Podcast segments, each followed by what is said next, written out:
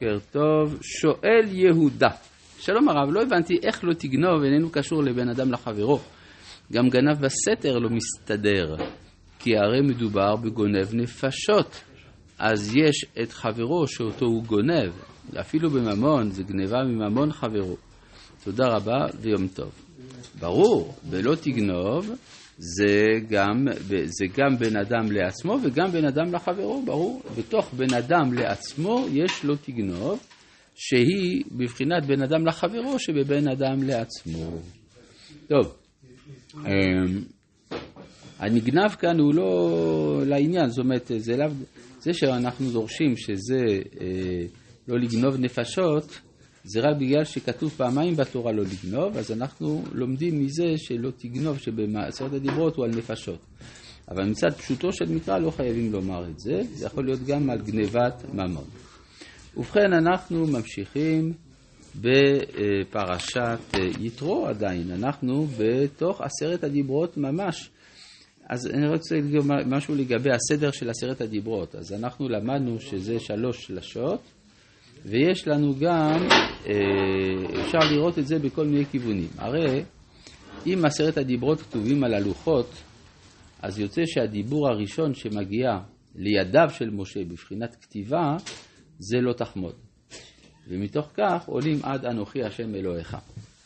אז שמעתי פעם אה, מהרב אה, לוי נחמני, זכרונו לברכה, הוא הסביר כך, שלא תחמוד זה הנקוד, נקודת המוצא של הקלקול של האדם. אדם חומד, אז הוא יכול להגיע גם למצב שהוא ישקר כדי, בבית דין כדי לקבל את מה ששייך לחברו, ואם הוא כבר מסוגל להגיע לבית דין לשקר, הוא גם ייכנס לביתו לגנוב.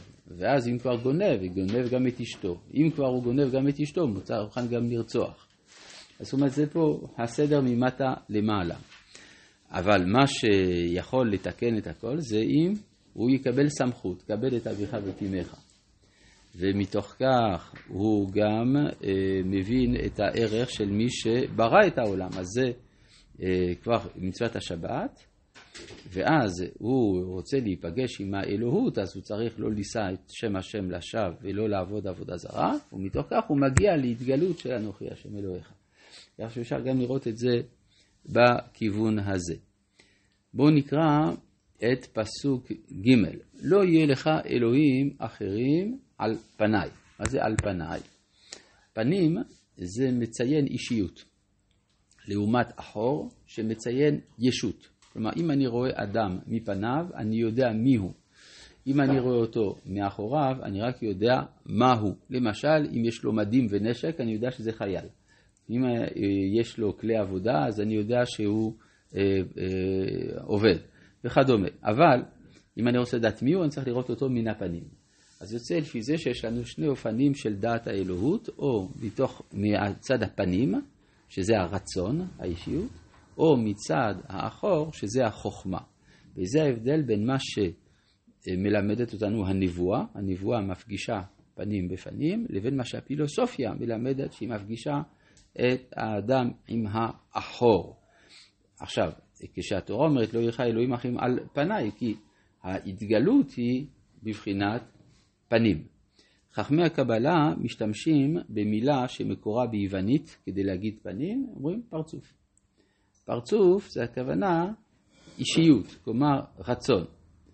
ולא יהיה לך אלוהים אחרים על פניי. אם זה, ניקח את זה כפשוטו ממש של מקרא, יוצא שמאחוריי יש כן. מה זה מאחוריי? זה סטרה אחרה. כשהביטוי סיטרה אחרה, שמשתמשים בו בקבלה, צריך להבין אותו לא כדואליזם, כן? כלומר יש אל טוב ואל רע, חלילה, אלא זה הצד האחר של האלוהות עצמה. סיטרה אחרה, צד אחר של מה? של האלוהות. אז לא יהיה לך אלוהים אחרים על פניי, אל תעבוד דרך הסטרה האחרה. תעבוד דרך הסטרה דקדושה. כי היה מקום לומר, אם זה מאת השם וזה מאת השם, אז נעבוד דרך שניהם. כן? והחידוש הוא שהאדם לא יכול להכיל בקר... בקרב עבודתו גם את הממד האחר, לכן אומר הכתוב, לא יהיה לך אלוהים אחרים, על פניי. לא תעשה לך...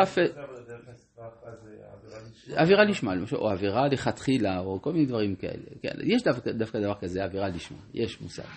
כן, אבל אה, היה אפשר לומר שאולי כדאי לעבוד בכלל דרך הרע. כן, זה הצ... יש כאלה שסברו את זה גם. הפילוסופיה, כן, זה כשיש התגלות, אז אתה לא צריך פילוסופיה. אין התגלות, אז אתה הולך אל הפילוסופיה. איך אני יודע שזה מותר? בגלל שכתוב על אה, משה, על, על משה אפילו, לא תוכל לראות את פניי, אבל לא מעבירה איתה את אחוריי. זאת אומרת שיש במצב שהפנים נסתרות, אז מכירים דרך האחור.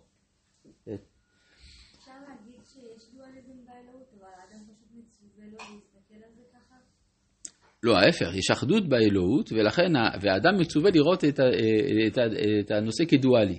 לעבוד את השם רק דרך הפנים ולא דרך האחור. בדיוק הפוך. כן. למשל, יש ביטוי בספר דברים, שמה ישראל, השם אלוהינו השם, אחד. אז uh, השם זה 26 בגימטריה, לא? ואחד זה 13. אז אנחנו מכירים אותו רק בחצי של האחדות, לא של הפירוט. לא תעשה לך פסל. וכל תמונה אשר בשמיים ממעל ואשר בארץ מתחת, ואשר במים מתחת לארץ, לא תשתחווה להם ולא תעבודם. אז טוב, אז יש אה, פה כמה צדדים הלכתיים גם במצוות האלה. אה, יש אה, לא, תש... יש לא לעשות פסל לשם עבודה, מה אם לעשות פסל שלא לשם עבודה? כן, אז יש על זה הרבה דיונים. ההלכה בסופו של דבר מצמצמת את האיסור של עשיית פסל לתבנית אדם שלם. או פני אדם שלם. אבל כל מה שפחות מזה, ההלכה למעשה מתירה. לא ת... אבל מה, לא תעשה לך פסל לכל תמונה, העיקר לא, כדי לא להשתחוות זה אסור. מה זאת אומרת, מה היה, מה החידוש? לכאורה, אם לא יהיה לך אלוהים אחרים על פניי, אז זה ברור שלא תשתחווה לפסל.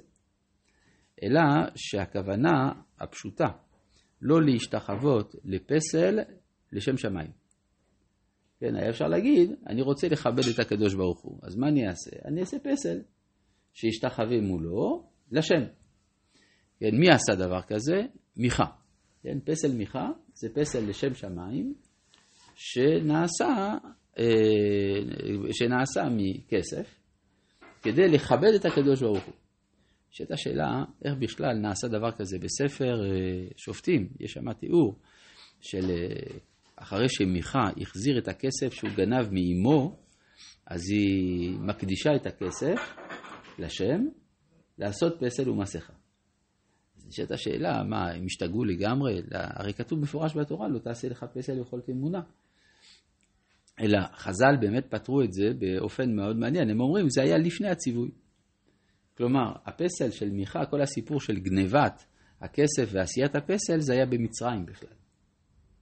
ומיכה היה מעובדי השם במצרים, והוא סחב איתו את הפסל הזה במזוודה שלו בשעה שהיה קריאת ים סוף, ועבר בים צרה, זה פסלו של מיכה שעובר בתוך הים.